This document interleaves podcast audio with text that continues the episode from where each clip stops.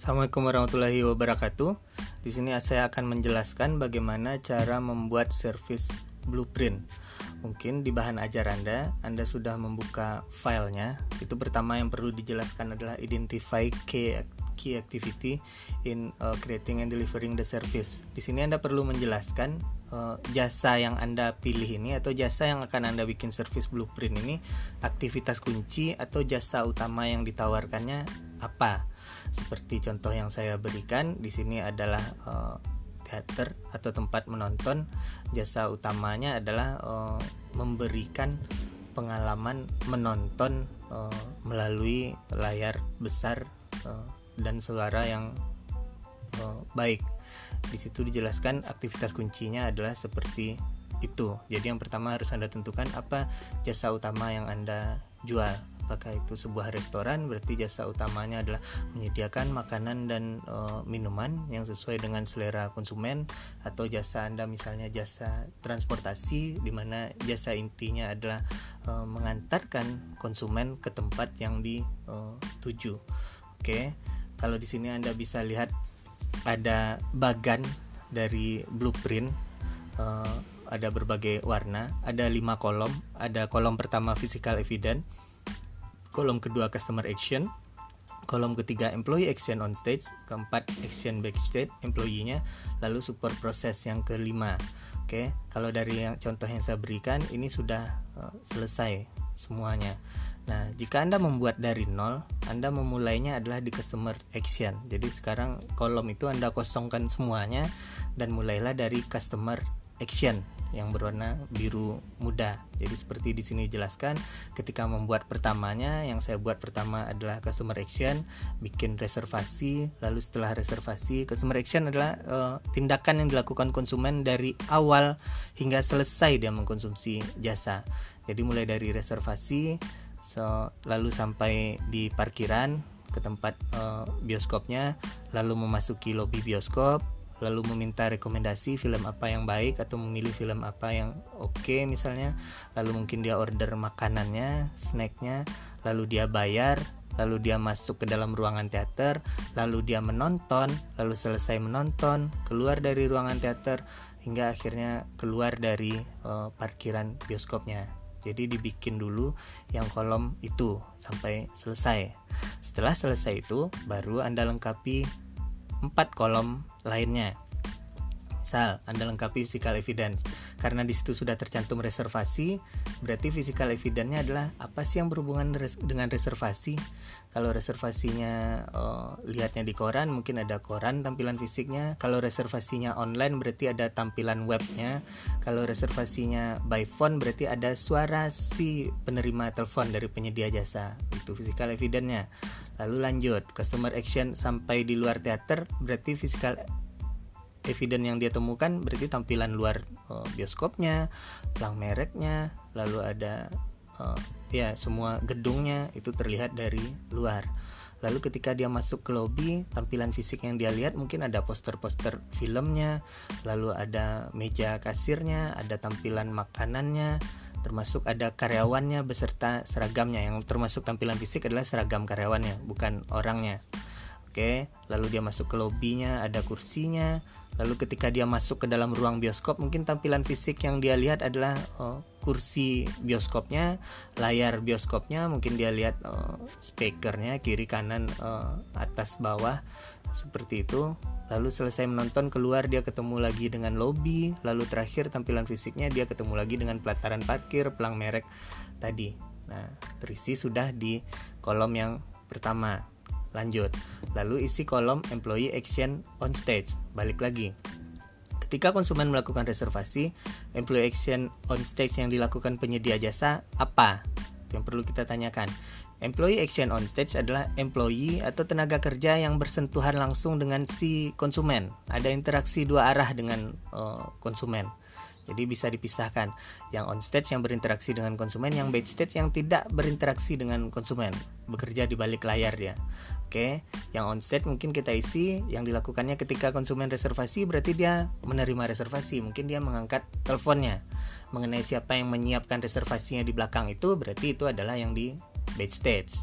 Oke, lalu ketika konsumennya sampai di pelataran parkir, kalau ada employee-nya petugas parkir ya berarti itu ada employee on stage mengatur parkir si konsumen.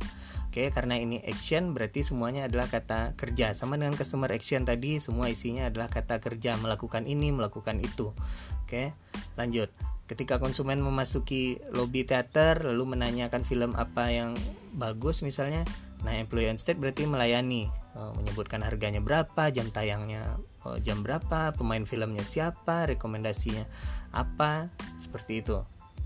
Termasuk ketika si konsumen masuk ke ruangan bioskop, berarti employee action on stage-nya yang merobek tiket itu on stage karena dia bersentuhan langsung dengan si uh, konsumen. Lalu akhirnya konsumen masuk ke uh, dalam bioskopnya sampai selesai nanti pulang dibukakan lagi pintu ketemu lagi dengan petugas parkirnya. Lalu yang kolom backstage diisi oleh si konsumen yang bekerja di belakang layar. Kalau di bioskop mungkin yang bekerja di belakang layar adalah uh, operatornya, operator yang mengendalikan sistem termasuk juga operator yang memutar uh, filmnya. Jadi kalau di dalam bioskop kan yang kita lihat kan cuma cahaya yang datang dari dinding belakang. Nah, di balik dinding itu kan ada uh, operatornya yang menjalankan uh, program ini. Nah, itu berarti employee action backstage. Lalu employee action backstage lainnya adalah tindakan yang dilakukan ketika ini. Selesai kita nonton bioskopnya biasanya ada petugas kebersihannya. Nah petugas kebersihannya itu kan tidak bersentuhan dengan kita. Uh, dia swadaya dia melakukan pembersihan sendiri nggak berhubungan dengan kita. Keluar kita langsung dia bersihkan dia siapkan lagi ruangan itu seperti uh, semula. Itu employee action uh, backstage. Diisi seperti itu. Lalu kolom yang terakhir yaitu support proses. Apa support prosesnya jika pembukuannya secara uh, uh, digital berarti dibuat di situ. Sistem reservasinya digital online itu dibuat di situ. Apakah ada database uh, konsumennya? Sama seperti bioskop kan sekarang sudah ada member juga berarti ada database. Di situ ada support uh, prosesnya seperti itu. Termasuk registrasi pun dicatatnya di support proses. Termasuk film yang anda catat kalau anda punya member punya poin punya dikalkulasikan semuanya yang anda bayar itu tercatatnya di support proses. Seperti itu. Oke, selanjutnya yang perlu Anda jelaskan adalah setiap uh, proses itu harus dijelaskan detailnya. Misalnya di sini proses reservasi itu Anda harus jelaskan. Apakah teleponnya berapa kali uh, deringan baru diangkat misalnya atau siapa petugas yang mengangkat atau bagaimana greetingsnya ketika mengangkat uh, telepon. Itu harus dijelaskan di detail uh, ini di bagian selanjutnya di luar bagannya. Misalnya greetingsnya adalah uh, selamat datang di bioskop ini atau menggunakan assalamualaikum seperti itu. Jadi harus dijelaskan uh, lalu setiap prosesnya termasuk parkirannya harus dijelaskan berapa kapasitas uh, parkirnya bagaimana menyusun parkirnya susunan lobbynya seperti apa uh, penayangan posternya itu sekali berapa hari diganti misalnya lalu makanannya kebersihan karyawannya hingga proses uh, pertunjukannya uh, mesinnya dihidupkan hingga akhirnya selesai sehingga konsumen akhirnya uh, pulang. Selanjutnya yang perlu Anda jelaskan di sini adalah identify potential fail point. Dari sekian uh, detail dari service blueprint yang Anda jelaskan itu Anda harus analisa kemungkinan gagalnya itu jasanya di mana. Misal seperti di bioskop yang kemungkinan gagal jasanya adalah misalnya di sistemnya. Konsumen sudah order sementara ketika mau print tiketnya tidak bisa misalnya entah itu printernya rusak atau tidak terkoneksi orderannya dengan yang di uh, lokasi. Itu misalnya potensial fail pointnya. Potensial fail point selanjutnya adalah misalnya sedang menonton bioskop lalu tiba-tiba lampunya mati, listriknya padam.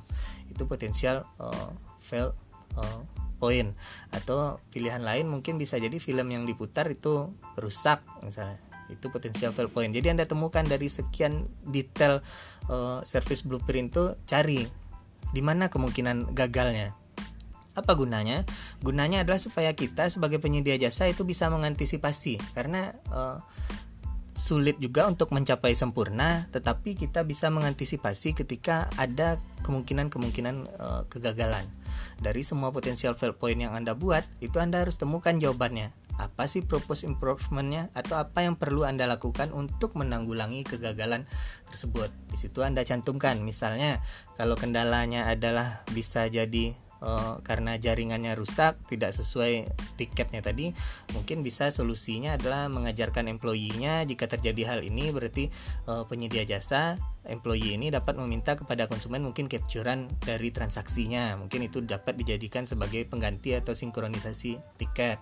Lalu misalnya kegagalannya adalah listriknya mati misalnya uh, pemadaman mungkin bisa solusinya adalah Anda menyediakan genset uh, yang bisa mengakomodir supaya filmnya tetap bisa ditayang.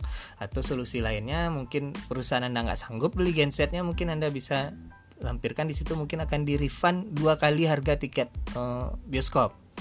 Seperti itu itu contoh penanggulangannya lebih jelasnya nanti akan dibahas di bab uh, service recovery. Tapi untuk tugas ini Anda harus uh, temukan kegagalannya dan apa ide Anda untuk solusi menyelesaikan tersebut. Termasuk potensial fail pointnya seperti yang dijelaskan di bab ini juga adalah tentang konsumen yang uh, disfungsional atau J customer. Ketika ada konsumen yang bandel misalnya merekam uh, di bioskop misalnya merekam uh, tayangan bioskopnya atau menaikkan kakinya atau berisik misalnya kan seperti yang kita ketahui kenapa bioskop itu mengkonsumsinya adalah popcorn? Karena itu uh, tidak berbunyi. Nah apa yang akan anda lakukan ketika terjadi gangguan-gangguan uh, seperti itu? Oke uh, demikian saja untuk dapat diselesaikan dan kalau ditanya lagi apa yang dilakukan terhadap J customer jadi perlu Anda pahami konsumen disfungsional atau konsumen yang mengganggu ini jumlahnya di bawah 5% dari total konsumen yang akan Anda layani. Jadi jangan mood perusahaan Anda terganggu cuman gara-gara konsumen yang cuma 3 sampai 5% ini mengganggu. Jadi yang buruk itu cuma sedikit, jangan gara-gara yang buruk ini Anda moodnya jadi jelek jadi anda melayani konsumen yang baik-baik saja juga dengan buruk. Nah itu fatal. Jadi ingat saja J consumer itu jumlahnya sedikit tidak bisa kita hindari juga hampir di semua penyedia jasa itu selalu ada. Yang kita bisa lakukan adalah uh, melakukan pencegahan dan uh, menanggulangi supaya jumlahnya semakin uh, berkurang. Dan perlu diingat jangan sampai mengganggu keseluruhan proses jasa. Jangan sampai memperburuk pelayanan jasa Anda terhadap konsumen yang lainnya. Terima kasih. Assalamualaikum warahmatullahi wabarakatuh